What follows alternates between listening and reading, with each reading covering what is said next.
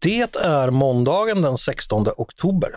Jag heter Andreas Eriksson och du lyssnar på Ledarredaktionen, en podd från Svenska Dagbladet.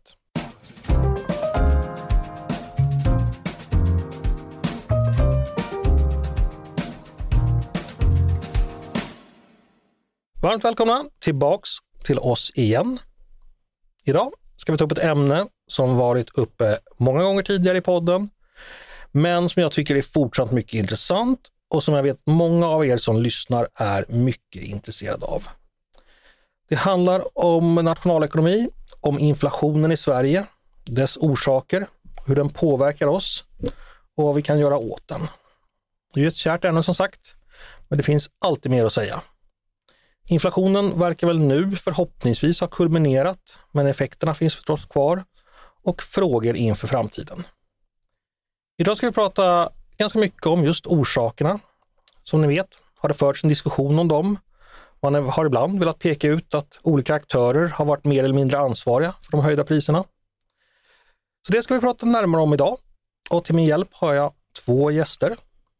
En heter Mats Bergman, professor i nationalekonomi vid Södertörns högskola och ordförande för Handelns ekonomiska råd. Varmt välkommen hit Mats! Tack så mycket!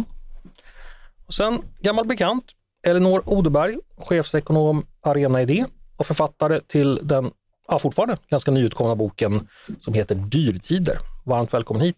Tack ska du ha! Kul att vara här fysiskt den här gången. Ja, det är jättekul att ha dig här fysiskt. Eh, Mats, bara kort berätta, Handelns ekonomiska råd, vilka är det? Vad gör ni? Ja, vi, vi är ett råd som är tillsatt av Handelsrådet som i sin tur är en, en organisation som samlar både, både arbetsgivare och eh, facken inom handelssektorn. Och, och, vi är fyra fristående, eh, huvudsakligen akademiska ekonomer. Mm. Just det. Eh, som jag sa, inflation har varit uppe ganska många gånger i podden, så lyssnarna är väl hyggligt insatta. Förhoppningsvis har jag lite koll också. Tänkte vi ska prata om en rapport som du skrivit Mats, just för Handelns ekonomiska råd, som handlar om hur läget ser ut där.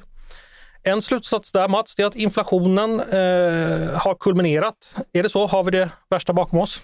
Ja, men det skulle jag säga att vi har. Men jag vill börja med att säga att jag inte är makroekonom, då, utan jag, jag är mikroekonom och expert på konkurrenspolitik. Men i Handelsekonomiska råd så ingår det två duktiga makroekonomer, då, Håkan Frisén och Cecilia Hermansson. Och jag får försöka förmedla deras klokskap så, så gott jag kan. Men, eh, och, och sen ingår också Elin Nilsson som är expert på konsumentbeteende bland annat. Men jag menar precis, vi, vår slutsats var i våras och är fortfarande att, att eh, inflationen är på väg ner nu. Mm. Det, det, tycker vi, det tror vi. Bara snabbt Elinor, är det din slutsats också? Är vi, är vi där? Ja, det ser ju ut som att den här inflationen som vi upplevt var just en tillfällig chock, framförallt på grund av kriget i Ukraina, eftersläpande leveransproblem under pandemin. Ehm, men det kvarstår ju nya hot om prischocker i framtiden och då tänker jag kanske på klimatförändringar. Jag tänker på att det var Jom Kippur-kriget som triggade 70-talets inflationsspiral med de oljeprischocker som det innebar. Eh, så nya geopolitiska konflikter kan ju innebära att vi hamnar i samma situation igen och då måste man ju fråga sig, är det igen då svenska boräntor som man ska höja för att komma åt en sån inflation? Eller ska vi börja titta lite mer på vad inflation beror på? Det kan du fundera mer på snart. Jag ska bara höra eh, en fråga. Mats, du får återigen göra dig till tolk för dina makrovänner. Den svenska inflationen, när man tittar på den och jämför med jämförbara länder, har vi följt ungefär samma mönster där eller finns det någonting i Sverige som, som sticker ut åt något håll? Nej, alltså vi ligger väldigt mycket mitt, mitt i bland europeiska länder. Vi följer mycket euroområdet inflationsmässigt. USA ligger lite före. Eh, förutom de faktorerna som du nämnde Elinor, så är ju också den, inte minst den amerikanska stimulanspolitiken drev ju upp inflationen. Det var ju det har varit en väldigt het arbetsmarknad i, i USA och delvis i England också. Men Sverige ligger som de andra europeiska länderna. Vi, vi drabbades lite mindre av eh, energichocken då eftersom vi är lite mindre beroende av, av gas till exempel. Men, men i, i stort sett ser det ut väldigt mycket som i, som i Europa. Mm. Hörrni, jag tänkte vi skulle prata om, lite om eh, bakgrunden till inflationen och då finns det ju en politisk debatt här kring det som kallas greedflation, eller eh, jag vet inte hur man skulle översätta det till svenska, girighetsinflation. Det vill säga att företag i något led passar på att höja priserna lite extra när de ändå stiger. Eh, Mats, då, du som representant för, då, för, för Handelns ekonomiska råd, eh, kan man se någon sån utveckling i Sverige, att det finns sådana effekter? Vad säger du? Nej, jag, jag, tycker inte det. Det, det. det, betyder ju förstås inte att det inte finns enstaka fall och, och, det är klart att som konsument så har vi ju kanske alla stött på något pris där vi hajar till och tycker att det här var, det här var lite väl saftigt. Så att säga. Det kan förekomma, men om man tittar så att säga, statistiskt, ett genomsnitt av priserna, så, så är vår slutsats att de har, handeln har höjt priserna så mycket som de måste och, och nästan lite mindre. Så det, det är så att säga, handeln har ju Handeln har ju väldigt låg marginal så att, och, och det är en, en, ganska hård konkurrens så att vinstmarginalen är låg och stiger priserna då, då är det egentligen två val. Höja priserna själv mot konsument eller slås ut. Så mm. det finns inte så mycket att ta av. Men, men inga, nej, inga, inga, inga tydliga effekter eller inga, inte någon betydande Alltså mer än undantagsvis skulle mm. jag säga. Men generellt sett, vi ska inte skylla på, på vår lokala ICA-handlare att han har stoppat några extra sedlar i nej, fickan? Det, det, nej, precis. Lönsamheten har ju gått ner snarast. Mm. Elinor, vad säger du? Greedflation, uh, is it a thing? Att företag vill vinstmaximera är ju inget nytt fenomen. Sen om man vill beteckna det som girighet eller inte, det får man väl uh, avgöra lite själv, tänker jag. Men Eh, matpriserna är ju trots allt ett område där Sverige har stuckit ut. Eh, jag delar bilden att vi i stort har följt samma globala trend och att i huvudsak så är inflationen i Sverige importerad. Men matpriserna i Sverige har inte stigit så här mycket sedan 50-talet med över 20 procent på bara ett år. Och det är ju framförallt basprodukter i den svenska handelskorgen som har ökat i pris. Mejeriprodukter, blöjor, barnmat. Purjolöken har blivit 80 procent dyrare på ett år, blomkålen likaså. Eh, och det här slår ju väldigt hårt mot, mot barnfamiljer och det här är ju inte produkter som man kan avstå ifrån hur som helst. Så det blir inte riktigt den här konsumentmakten som Riksbanken hoppas på med sina räntehöjningar, att genom att pressa hushållens konsumtionskraft så ska vi bli kräsnare konsumenter. Vi kan helt enkelt inte potträna spädbarn från noll års ålder. Vi kommer köpa de där blöjorna ändå. Eh, så det finns absolut ett element av att företag som har en marknadsledande ställning och har, säljer varor som vi inte klarar oss utan, har möjlighet att passa på i en inflationsekonomi. Eh, och det är ju det här som är också så viktigt varför det finns ett förtroende för inflationsmålet och varför det betraktas som ett ankare för för prisutvecklingen. Att om företag börjar tro att nej, men kostnaderna kommer fortsätta öka framgent, jag vill inte råka på några förluster, eh, så jag höjer priserna i förväg. Då har vi ju i, i praktiken avankrat inflationsmålet. Så det är ju därför det ändå är positivt i det här att de långsiktiga inflationsförväntningarna Eh, är att vi kommer komma tillbaka till 2% inflation. Eh, men det var ju det här som rubbades, skulle jag säga, framför allt under förra året, då faktiskt dagligvaruhandeln hade en eh, bättre lönsamhet än på 30 år, trots allt. Så en del, trots att de inte drabbas av kostnadsökningar, också passade på att höja priset, för att det fanns en förväntan om stigande priser. Och om vi tar mjölk som ett exempel, så har ju det ökat med 30 procent på ett år, men bondens pris är oförändrat. Mm. Eh, där ska man förstås Mats få svara på. Bara en sak, mina barn skulle inte hålla med om att blomkål är någonting barnfamiljer inte kan avstå ifrån. Nej, men det är väl kanske en typisk produkt som man skulle kunna vara ett proteinsubstitut om man nu tänker Absolut. på hur kött... Eh, Absolut. Jag smyger ner linser i köttfärsen, har än så länge inte upptäckts av mina barn. om de inte lyssnar på den här podden. Eh, ja, Mats, här fick vi höra att det trots allt höjs priser inom livsmedelshandeln och så. Eh, är Elinor fel ute här eller sitter ni med olika siffror eller vad tänker du? Nej, men jag, jag delar inte riktigt den här synen. Det är ju eh, det är ju sant att förra, förra året, 2022, så höll handeln uppe sin lönsamhet och den, var, den har legat på en, en marginal på 3% eller strax däröver i åtminstone de senaste 20 åren. Och, så det, och det rör sig någon tiondel upp och någon tiondel ner. Så att det, jag tycker det är missvisande att säga att det, är, att det var så att säga en, ett särskilt lönsamt år. Sen, Fast man hade ju väldigt hög lönsamhet under pandemin. Då var man ju uppe i över 4% så man gick ju in i den här inflationsperioden med en väldigt inte, hög lönsamhet. Inte dagligvaruhandeln. Ja, enligt, handeln, handeln brett. Enligt våra siffror. Det var ju, det var ju framförallt sällan, sällanköpshandeln hade ju bra försäljning under pandemin. Eh, dagligvaruhandeln har ju så att säga, alltså mat och livsmedel, så här, det, det tuffar ju på så att säga. Det, det händer inte så mycket där volymerna växer med 1% per år eftersom befolkningen växer med 1% per år fram till nu för ett år sedan drygt, ett och ett halvt år sedan. Sen dess har, har volymerna fallit 10% så det är ju en drastisk förändring och eh, det, som hänt, det som har hänt framförallt i år är ju att lönsamheten har halverats enligt SCBs eh, mätningar som kom här i somras. Eh, den, den delen av handeln som hade så säga, ganska goda tider under pandemin var ju så kallad sällanköpshandel, det vill säga allt som inte är mat. Och det är då möbler, kläder, hemelektronik och så Precis. vidare? Ja, det. Men även om jag menar, att, att, man sälj, att man nu minskar lönsamheten något, inte, men om man då jämför med de goda åren, liksom, till exempel 2022, då, så blir det ändå i kronor räknat ganska mycket pengar och det real, den reala vinsten per eh, produkt som säljs är ändå större. Sen säljer man färre produkter. Eh, så det är ju precis det du är inne på, att volymen har minskat. Men man har ju ändå lyckats behålla, och det pekar ni ju på i er rapport också, hyfsat intakta marginaler. Och om man då jämför det med löntagarna som har tappat tio års nästan reallöneökningar, så har ju företagen då lyckats eh, åtminstone priskompensera sig. Sen är frågan om de faktiskt i långa loppet har gått mer positivt ut, så att säga. Det är ju så att om alla har den här impulsen att höja sina priser i en inflationsekonomi, då kommer ju alla också få högre kostnader i slutändan. Så det blir ett ganska kortsiktigt prissättningsbeteende som kortsiktigt kan leda till högre vinster. Men nu verkar ju det här vända. Mm.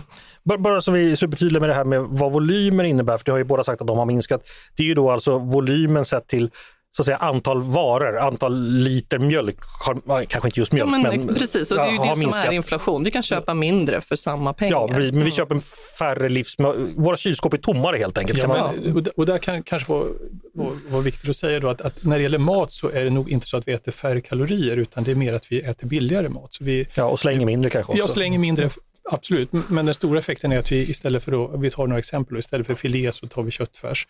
Istället för paprika äter vi morötter istället för eh, eh, den dyra skinkan så, så, köper vi så att säga en eh, butikskedjans egna varumärken. Eller, eller, den typen av så att säga i någon mening lägre kvalitet på maten. Så det, det är det snarare än att det blir mindre. Sen när det gäller annat än mat, alltså kläder, sportgrejer, elektronik, då köper vi ju färre saker. Mm. Jag ska bara kolla det här med, med, marginaler då, det vill säga då den lönsamhet som alla, alla företag ja, måste ha i en marknadsekonomi, man måste ha lite över för går man back så får man ju lägga ner såklart. Eh, så vi är supertydliga med det. Eh, Mats, kan du bara upprepa det, det du sa? Handelns marginaler, eh, nu har vi från LRO att det har varit väldigt höga under några år under pandemin, men sen har minskat. Hur, hur ser det ut exakt? Så vi bara Nej, men alltså enligt, enligt min bild så dagligvaruhandeln, alltså livsmedelsbutiker, de, de har haft en marginal som den rör sig kring 3% 3-3,5 procent och så har det varit i, i från, ja, jag har tittat tillbaka från 2000 till 2022. Eh, och det är liksom en normal nivå. Vi behöver, handeln behöver en marginal. Det betyder ju inte att, att, det är klart att enskilda handlare tjänar väldigt bra med pengar om de är duktiga och har en stor butik. Så, så är det förstås. Men, men ser vi på eh, livsmedelshandel eller dagligvaruhandel generellt så 3% är en eh, ganska rimlig nivå som, som behövs för att vi ska kunna ha en, en bra högkvalitativ handel och vi vill ju ha den servicen. Vi, vi vill ju ha fysisk handel med Eh, som kan betala bra löner, som kan ge bra service, eh, ha ett bra urval och så vidare. Så att, och det är inte så mycket det är inte så mycket att pressa ner. Jag menar, vi skulle kunna pressa priset till 2,5 procent, men det betyder en halv procent lägre priser. Mm. Men Elinor, vad tänker du? Det är, om det ändå rör sig runt 3% och har gjort det under länge, eh, då är det väl ändå ganska... Ja, är det så mycket att bli upprörd över eller fundera över? Men i en verksamhet där man säljer väldigt mycket, eh, det finns en väldigt stor omsättning på produkterna, då är det ju inte så konstigt att marginalen är lägre, för det innebär ju fortfarande i kronor räknat väldigt stora vinster, medan sällanköp handeln till exempel, där behöver det ju finnas en högre marginal eftersom att man säljer produkterna mer sällan. Det mm. liksom ingår i logiken på något sätt. Det som är, är anmärkningsvärt är ju ändå att om man tittar trendmässigt så har ju företagens vinster ökat på bekostnad av lönerna och man skulle ju önska att det var det, den effekt som Mats beskriver här, alltså att marginalerna också ger utrymme för högre löneökningar och så vidare. Och det är ju så på pappret, men eh, i praktiken så har ju, är ju vinstandelen nu den, den högsta på, på 50 år och följer en, en trend. Då pratar vi hela näringslivet? Ja, precis, hela näringslivet nu. Mm. Eh, och eh, det följer en trend sedan 50-talet där löneandelen liksom minskar på. Och, eh, vad, vad skulle handlarnas marginal vara på för att du skulle vara så att säga, nöjd och säga okej, okay, det här känns rimligt? Om man var på 2% eller 1 hade du Nej, men jag tror inte riktigt på det, den typen av hårklyveri. Däremot så eh, ser man ju att många producenter har ju inte fått bättre betalt. Mjölken var ett exempel som jag nämnde där eh, mjölkböndernas pris är oförändrat, men mjölken har likväl ökat 30 procent i butikerna. Ägg är en annan vara. Även Konkurrensverket har ju pekat på det här att man har haft oskäliga prisökningar på ägg till exempel. Um, socker, ytterligare ett exempel. Socker ökat med 50 procent i pris. Sockerbetorna säljs för samma pris. Sen är sockerproduktion energiintensivt, men det är nog inte 50 procent som kostnaderna har ökat för att eh, producera sockret. Så det finns ju ändå när man börjar grotta närmare i det här, apropå att eh, du är mikroekonom. Jag tror mm. verkligen att mikroekonomi är det nya heta för att förstå inflationen. Eh, för att man måste liksom titta på detaljnivå vad det är som faktiskt händer. Och att kronan är svag, är inte en tillräcklig förklaring. Eh, Riksbanken bedömer ju att en 10-procentig eh, försvagning av kronan bidrar med 0,5 procentenheter till inflationstakten, så det är ganska så lite. Eh, och producentpriserna är ju, tycks inte heller vara det som förklarar priserna idag i alla fall. Initialt så fanns det en, hel, en del ökningar i producentled, men det har ju fallit tillbaka både i Sverige och globalt, men det har inte hängt med på hyllan. Mm. Mats, vill du kommentera någonting där? Nej, men så, det senare håller jag med om att det är ju en, det är ju en eftersläpning. Så att när, när priserna, när de internationella råvarupriserna steg, då, då är det en eftersläpning. Sen slår det igenom i så att säga, tillverkningsledet och, och sen så är det en eftersläpning ytterligare så slår det igenom i, i konsumentledet. Och, och nu har vi den resan åt andra hållet. Så att konsumentpriserna släpar absolut efter eh, råvarupriserna, så är det. Och vi har ju ett ganska tydligt tryck neråt nu i producentpriser. Så det, det är ju en, förhoppning om att vi kommer att få betydligt lägre inflation framöver och det är också det som egentligen alla tror. Mm. Men, och det här är ju, tänker jag, också viktig distinktion för lyssnarna. Så att inflationen går ner betyder ju inte att det blir billigare att handla, utan eh, vi har ju fortfarande en stor resa att göra och ta igen det här reallönetappet som mm. har skett de här senaste tio åren. Eh, annars vi, är vi ju igen, vi är fattigare nu än vad vi var för ett år sedan eller till och med för fem år sedan eller åtta år sedan. Eh, så att här, om inte lönerna hänger med så har ju ändå då företagen eh, vunnit mark på bekostnad av löntagarna om man ska liksom förenkla det så. Just det. Jag ska bara säga, ni undrar varför det här är en av Sveriges bästa poddar. Det är bara i den här podden man hör formuleringar som “Jag tror att mikroekonomi är det nya heta”. eh, jag tänkte vi ska prata om en annan sak som ofta diskuteras just när det gäller handeln och det har att göra med konkurrens och hur, hur den ser ut. Eh, Mats, kan du ge oss en liten introduktion här? Eh, konkurrensen, jag, läste eh, en ganska intressant passage i, i, i er rapport där det handlar om att eh, det här med prisförändringar och konkurrens, att det, det sambandet kanske inte alltid är så intuitivt som man tror. Eh, vet du vilket jag syftar på nu? Ja. Kan du förklara lite kring detta? Ja, det, här, det är en utmaning för en, även för en mikroekonom, men, men låt mig försöka då. Vi, många tänker så här att om konkurrensen är hård och, och om, om, priserna, om, om kostnaderna stiger, ja då kommer jag som företagare inte att kunna höja priset så mycket. Men om konkurrensen är svag, då kan jag höja priset mycket. Och det där, det där stämmer ju i vissa situationer och ett, ett, ett typiskt exempel är ju en, låt säga ett svenskt företag som säljer i USA. Om man i Sverige har ökade kostnader av något skäl, att eh, energipriserna går upp i Sverige eller lönerna går upp eller skatterna går upp eller kronan eh, förstärks eller någon annan faktor som är specifik för Sverige, då har ju det svenska företaget svårt att höja priset i USA om konkurrensen är hård från amerikanska företag som inte möter samma kostnadsökning. Så så långt så stämmer ju resonemanget. Men i det som är aktuellt nu, det är ju att, att alla företag, i stort sett alla företag drabbas av kostnadsökningar genom att råvarupriserna stiger. Och då slår den här logiken faktiskt åt andra hållet, för då är konkurrensen hård, som jag menar att den är i, i, i handeln, då är marginalen låg. Företagen har redan från början 3 om, om kostnaderna stiger med eh, ganska mycket, då är ju alternativet att, att höja i stort sett lika mycket eller, eller gå med förlust och slås ut. Så att, så att är det en, en kostnadsökning som drabbar alla, då, är, då ska vi förvänta oss att om konkurrensen är hård, då stiger konsumentpriserna lika mycket som kostnaderna ökar.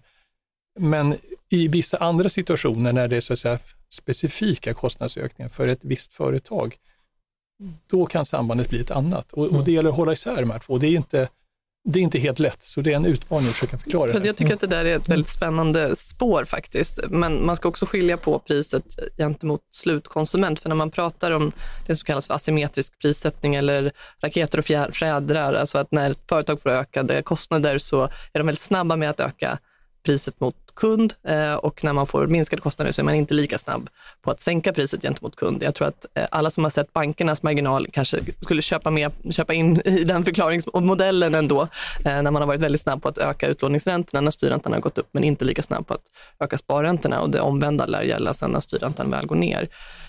Men det är ju det som du pekar på där Mats, är ju att producenterna får ju en mångfald av aktörer att välja mellan. Om man bara som eh, säg, salladsproducent bara har en ICA-handlare att sälja sin sallad till, då får man liksom köpa det priset som ICA vill köpa in det för. Eh, Medan om det finns fler att vända sig till så kan man på så vis eh, ändå jämföra och välja den som betalar bäst för salladen. Eh, och på samma sätt så gäller det också för löntagarna att eh, om det finns ett flertal arbetsgivare att välja på så kan man kanske också välja den som ger bäst villkor och betalar bäst. Så det på både på samma sätt som att företagen har en prissättningsmakt så har de också en lönesättarmakt eh, när det är liksom ett ensamt eller ett fåtal eh, som agerar på marknaden. Eh, en fråga som jag hade tidigare till Mats, jag glömde bort den. Elinor pratar en del om det här med producenter och sådär. Alltså, inom handeln, eh, innan de kommer fram till, till eh, ICA-butikerna så går ju varorna via andra led så att säga. Eh, vad vet vi om hur, hur, priserna har förändrats där? Har de förändrats lika mycket som gentemot eh, slutkund eller har det, har det sett annorlunda Har, har banorna skilt sig åt? Så där, där på något sätt? Alltså det, fin det, finns ju en, en intressant eh, observation som, som gäller både i, i Sverige och i andra länder och det är att då eh, alltså partihandel inte i, i, i så att säga, dagligvarusektorn, alltså inte mat och sånt, utan andra varor, där har eh, så att säga, nettomarginalen, eller vinstmarginalen om man så vill, ökat i, i partihandelsledet. Och det, det är ett intressant fenomen och det, det är en internationellt fenomen och, och den förklaringen som som jag eh, ser som trolig är att, att partihandel har blivit mer avancerat. Det är mer, så att säga, det är mer IT-tjänster, det är mer utbyggda nätverk, det är större, de levererar mer tjänster och, och hur stor marginalen ska vara för att den ska vara så att säga, rimlig, den beror på vilken sorts produkt och vilken sorts tjänst som, som man levererar. Så att, att anledningen till att dagligvaruhandeln har en så låg eh, marginal är ju att den snurrar så att säga, snabbt genom butiken. Ja, du, du har varit inne på det, Elinor, att, att de, de säljer mycket, men, men eh, företag som har mycket investeringar och där kapitalet inte snurrar lika snabbt, då måste man ha en högre marginal. Och det är en möjlig förklaring till att, att partihandelsmarginalen har, har ökat då i, i så kallad sällanköpshandel. Mm. Elinor, eh, konkurrensen på eh, ja, handelns konkurrens, kan främst prata dagligvarumarknad, är den tillräckligt bra i Sverige, tror du? Nej, det tror jag inte. Eh, det skulle definitivt behövas mer insyn. Mycket av de här marginalerna som jag och Mats pratar om här är ju också föremål för affärsmässig sekretess. Eh, och man skulle nog kunna argumentera för, tycker jag, att mat är en samhällsviktig vara, inte minst i, med tanke på klimatförändringar och annat. Eh, och krigsberedskap som också har hamnat högre upp på den politiska dagordningen, att det här borde finnas, finnas mer insyn helt enkelt. Eh, sen är det ju lätt att säga det, att konkurrensen behöver öka för att på så vis stärka kundernas valmöjligheter och liknande och eh, med förmåga att jämföra olika alternativ och sådär. Eh, men det är ju inte helt lätt att få en lönsamhet i vårt avlånga glesbefolkade land som eh, dagligvaruhandlare. Det finns liksom ett skäl till varför det är ganska vanligt med så kallade oligopolmarknader, alltså att det är ett fåtal aktörer som, som dominerar för att man behöver komma upp till en viss eh, nivå och ha en viss nivå av skalfördelar för att det ska bli lönsamt helt enkelt. Eh, så att, eh, därför så tror jag att vi också måste fundera på andra instrument än att bara prata om att konkurrensen behöver öka och att insynen behöver öka. Vi behöver kanske också fråga oss hur vår beredskap ser ut på vissa priskritiska eh, produkter och om vi på olika sätt politiskt eh, vill öka vår egen livsmedelsproduktion för att på så vis eh, också ha en, en stark beredskap i framtida kriser. Finländarna till exempel har ju eh, mat för sex månader ifall det blir eh, ifall liksom allting stryps så har mm. ju de lager för sex månader framåt. Vi klarar oss i typ två veckor eller vad det är. Mm. Eh, Mats, du sa tidigare att konkurrensen ändå är ganska bra. Är den det? Nej, men ja, det tycker jag. Den är, det, vi har ganska bra konkurrens i Sverige och vi, vi har, eh, den har blivit... ICA har ju 50 procent av alla marknadsandelar. Det är väl inte Ica, bra konkurrens ändå? ICA är separata företag, men, men det är klart att de har ett samarbete. Men, men ICA är också duktiga. Men, men vi har ju fått mer lågprisaktörer. Lågprisaktörerna går framåt. Vi har Lidl, vi har Willys. Eh, konsumenterna röstar med fötterna. Och sen är det en, en för att, jag skulle vilja kommentera någonting som du har varit inne på lite grann, Elinor, och det är ju att den här, så säga, relationen till leverantörerna. Och det, vi, vi alla värnar ju om den här lilla leverantören som eh, en lokal odling. Eh, det vill vi ska finnas kvar och, och jag tycker att svenska, svenska handel är, svensk handelsföretag är bra på det. Men, men det finns en föreställning att det här med egna varumärken är någonting hemskt och farligt. Och jag skulle vilja liksom vända lite på det perspektivet och säga att handelns handeln har ju också en prispressande roll, för det finns ju bakom handeln finns ju tillverk, tillverkande företag och det, det är både den här lilla, eh, lilla företaget som, som producerar lokalproducerad mat, men det är också multinationella jättar som gärna vill höja priset och det är ju ett förhandlingsspel där handelns egna varumärken är, det är ett vapen, ett instrument för att kunna förhandla med de här stora multinationella leverantörerna och handeln är ju delvis också våra så att säga, ställföreträdande, alltså vi konsumenter, våra ställföreträdare, förhandlare gentemot de här företagen. Så att eh, egna varumärken fyller, fyller också det syftet, förutom att de är så att säga, ett, ett prisvärt alternativ för, för de som eh, vill ja, av olika skäl spara lite pengar, men, men också ett, ett, så att säga, ett, ett instrument för att pressa priset från, från leverantörer. Mm. mm. Men där har man ju också de bästa marginalerna på sina egna produkter. Så, så kan det vara. Men, mm. eh, jag tänkte så här, eh, som konsument, meningen är ju då att eh, en konkurrens ska fungera så att man som konsument, eh, tycker man priserna är för höga i en affär så ska man ju gå till en annan. Vilket inte alltid är så lätt, för den perfekta konkurrensen finns ju bara på när man ritar pilar på en tavla. Vet ni? Men men eh, Mats, du sa till tidningen Näringslivet att det massiva medietrycket har gjort att handeln har känt sig tvungna till att tulla på marginalerna. Det låter ju ändå som att här finns ändå någon fungerande, det finns konsumenter, man kan gå till media, som, att det är fungerande mekanismer så att säga som det är tänkt att fungera på ett ganska bra sätt. Eh, kan vi dra den slutsatsen efter de här åren att det ändå liksom Ja, det, det, det går som det ska helt enkelt. Ja, konsumentjournalistik är ju viktigt. Det är ju, mm. Det, media ska ju vara en blåslampa och, och så är det ju. Det, Eh, transparens på marknaden, bra välinformerade konsumenter och ett tryck från media är ju, det är ju en viktig ingrediens. Det finns ju många ingredienser som, som ska till. Liksom ett, duktiga handlare, duktiga leverantörer, medvetna konsumenter, men, men också så att säga, bra konsumentjournalistik och, och, och bra tryck på, på så att, säga, att ja, hjälpa konsumenterna att göra rimliga Eh, köp. Så att säga. Mm. Elinor, du är en del av det trycket, det politiska trycket. Eh, är du nöjd med hur handeln svarar på det trycket? Jag kämpar på här för mm. alla andra småbarnsföräldrar som inte har tid att gå till 5000 olika butiker för att få det bästa mm. priset på ost. För det ska vi också komma ihåg, även om man har full eh, insyn teoretiskt sett så ska man också ha den tiden då att gå till olika ställen och, och handla och sådär. Eh, och som sagt så det är ju framförallt basvarorna som har ökat i priset det, det, är svårt att avstå dem eh, och vi handlar mindre mat och som du påpekade, matsvinnet har faktiskt minskat förra året och det är ju en positiv effekt eh, mm. av de här eh, högre priserna förstås. Eh, men sen tror jag att eh, det också är så att ekologiska produkter och annat har missgynnats av den här prisutvecklingen så att på så vis kanske det där tar ut varandra. Ehm, men Eh, någonting som vi inte har hunnit prata så mycket om, apropå då företagens vinster, är ju fenomenet smygflation, apropå då att eh, vara blåslampa och mm. belysa att det är ju intressant hur det genomsnittliga kaffepaketet numera är 875 milliliter eller vad det är och eh, det genomsnittliga juicepaketet har gått från en liter till eh, 900. Ja, krympflationen, ja just det. Eh, ja, eller smygflation, alltså att man, man tänker att man köper samma chipspåse, men så var det visst 120 eh, gram istället för 150 gram som det var innan och så vidare vidare. Eh, och det, här, det här behöver man ju hela tiden eh, belysa och jämförelsepriser är ju också en, en sån eh, viktig, viktig konsumentstärkande eh, faktor. Um, men eh, det här är ju en, en, en, bransch som ändå bygger på konsumentförtroende, så jag tror att många handlare är nog ganska känsliga för att hamna i dålig dager. Mm. Och det vill man gärna inte. Så att, förhoppningsvis så kan ju den känslan av ansvarstagande, som jag hoppas att de flesta företag känner, också leda till att de gagnar konsumenterna i form av bättre priser. Jag är så gammal så jag minns när eh, chipsproducenterna anklagades för att i smyg öka volymen på, på chipspåsarna för att göra oss mer beroende av chips. Och eh, på den här tiden då var Ilja Batljan, senare fastighetsmagnat, eh, eh kommunalråd i Nynäshamn och han lade då ett förslag att man inom Nynäshamns kommun skulle förbjuda stora chipspåsar. Eh, inträffade för 20 år sedan ungefär.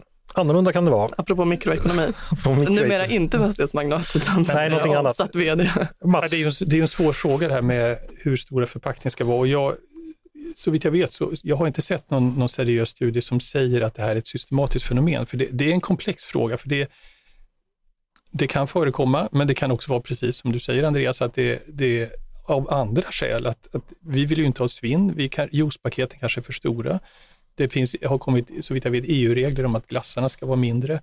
Eh, vi kanske, ja det har ju som sagt varit ganska omdiskuterat att eh, läsk, ja, läskflaskorna har, nu är standard inte 33 utan en halv liter. Super size vi minns vi den debatten. Precis, så att jag menar vi, det, finns argument åt båda hållen och, och, jag, som sagt, jag har inte sett någon, någon seriös studie som, som säger att det här att förpackningarna anpassas så att säga, strategiskt för att eh, lura konsumenter. Konkurrensverket har ju ändå lyft det här som ett problem och de tittar ju på det här nu eh, och säger också mycket att vi, vi vet inte helt om det här är befogade prisökningar och av det som de har börjat granska så tyder ju ändå en hel del på att man har eh, passat på. Mm.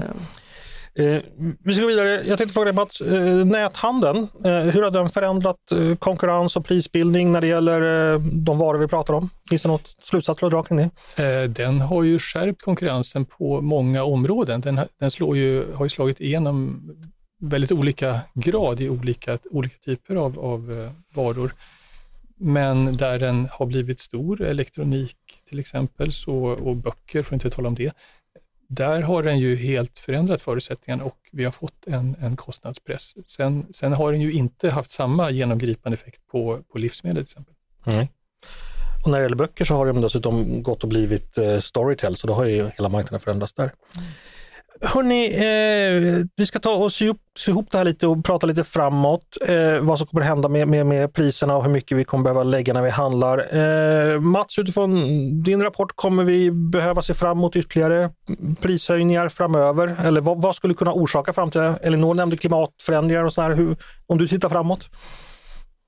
Ja, det är klart.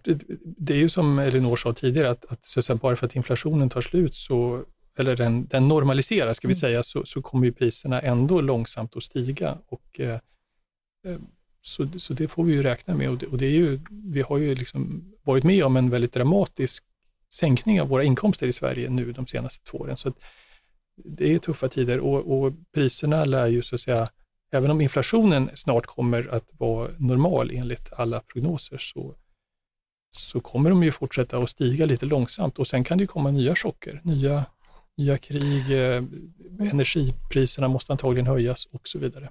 Men hur klarar handeln det här med att vi har blivit relativt fattigare? Det kommer ju så småningom slå, mot, eller slå väl mot handeln också, att vi helt enkelt inte väljer filén utan någonting annat. Det, det, är ju ett problem som, som vi inte har berört och det är ju det här hur vi vill att våra städer ska se ut. E-handel är ju fantastiskt på många sätt, eh, bekväm, vi får ett stort utbud, vi kan eh, undersöka priser. Men vi vill ju också ha levande städer och om det är någonting vi vet så är det ju att, att handel i stadskärnorna är ju otroligt positivt för, för levande städer. Så att, att handeln krymper eh, volymmässigt och, och utmanas på olika sätt är ju ett problem ur, ur den aspekten. Mm. Eh, Elinor, dyrtider är det och det heter ju din bok. Hur länge, hur länge fortsätter de och vad ska man som konsument göra för att, för att klara sig? Nej, men det kommer ju avgöras väldigt mycket av vad politiken gör och hur företagen förstås eh, agerar framgent. För det är ju företagen i slutändan som sätter priserna och inte konsumenterna, även om vi gör vårt bästa för att, eh, för att påverka. Äh, det är, finns en risk för andra nya chocker för, som innebär en högre inflation igen. Eh, och här måste staten ta, tycker jag, ett större ansvar för att skapa en prisberedskap i den svenska ekonomin. Eh, om vi jämför med 70-talet då vi byggde ut fjärrvärme och byggde, bytte ut oljepannorna, byggde ut kärnkraft, energieffektiviserade, precis den typen av offentliga investeringar skulle vi behöva nu. Mot, motsvarande inom, inom livsmedelsbranschen, hur skulle det se ut? Alltså... Ja, nej, men om man till exempel säkrar ett låg och stabilt elpris eh, genom både ökad produktion men också att man faktiskt ger sig på marginalprissättningen. Eh, eh du sa det Mats här inledningsvis att vi gick bättre ut än många andra ekonomier. Vi fick ju inte tjäna så mycket på att vi hade nästan en helt fossilfri energiproduktion och nästan noll gasimport från Ryssland eftersom att vi ändå var en del av den här europeiska marknaden. Mm, du tänker så? Prissättningen, så att man måste agera på båda de här fronterna. Det kommer inte räcka att bara öka energiproduktionen för vi kan knappast ta ansvar för hela Europas energiproduktion. Eh, så att, och genom det så sänker vi ju också företagens insatskostnader. Eh, och på samma sätt, om vi faktiskt får en sänkt ränta, eh, vilket är det jag hoppas på, eftersom att det inte är svensk efterfrågan i grunden som har orsakat den här inflationsimpulsen, även om man tror att det är svensk efterfrågan som ska lösa den. Det ger ju också företagen högre kostnader som de i sin tur kan vilja ta ut på ett högre pris. Så sänker du företagens kostnader inklusive då dagligvaruhandeln, så kan ju det ge en effekt i form av lägre priser för oss konsumenter. Mm. Eh, och det tror jag är bättre verktyg än, än, ehm, än prisregleringar, även om prisreglering faktiskt också kan behöva vara ett instrument på bordet i särskilda krissituationer. Det är ju då man har använt det verktyget helt enkelt.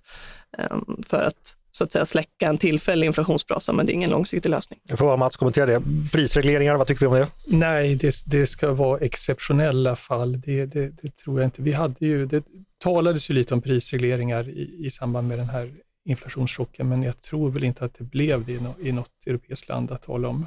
Men hotet om prisreglering alltså sätter jag, ju press på handlarna kan man ju säga. jag tror vi ska undvika det, för det här är ju, priserna är ju ett balanseringsinstrument som, som gör att, att eh, marknadsekonomi kan reagera. Konsumenterna kan anpassa sig, producenterna kan anpassa sig, vi kan spara energi, vi kan ändra vårt eh, konsumtionsbeteende, vi kan slänga mindre mat, vi kan äta mer vegetariskt och så vidare. Så men alla, nej, men, har ju inte den, alla har ju inte det utrymmet. Det fanns ju många i inledningen av den här inflationsperioden som redan eh, åkte kollektivt var liksom på, på marginalen när inflationen slog till. Så man, måste, man kan inte dra det där för långt heller. Ja, men då får det vara andra, andra då är det mera inkomststöd än att vi ska reglera priserna, för det ja. tror jag är fel väg.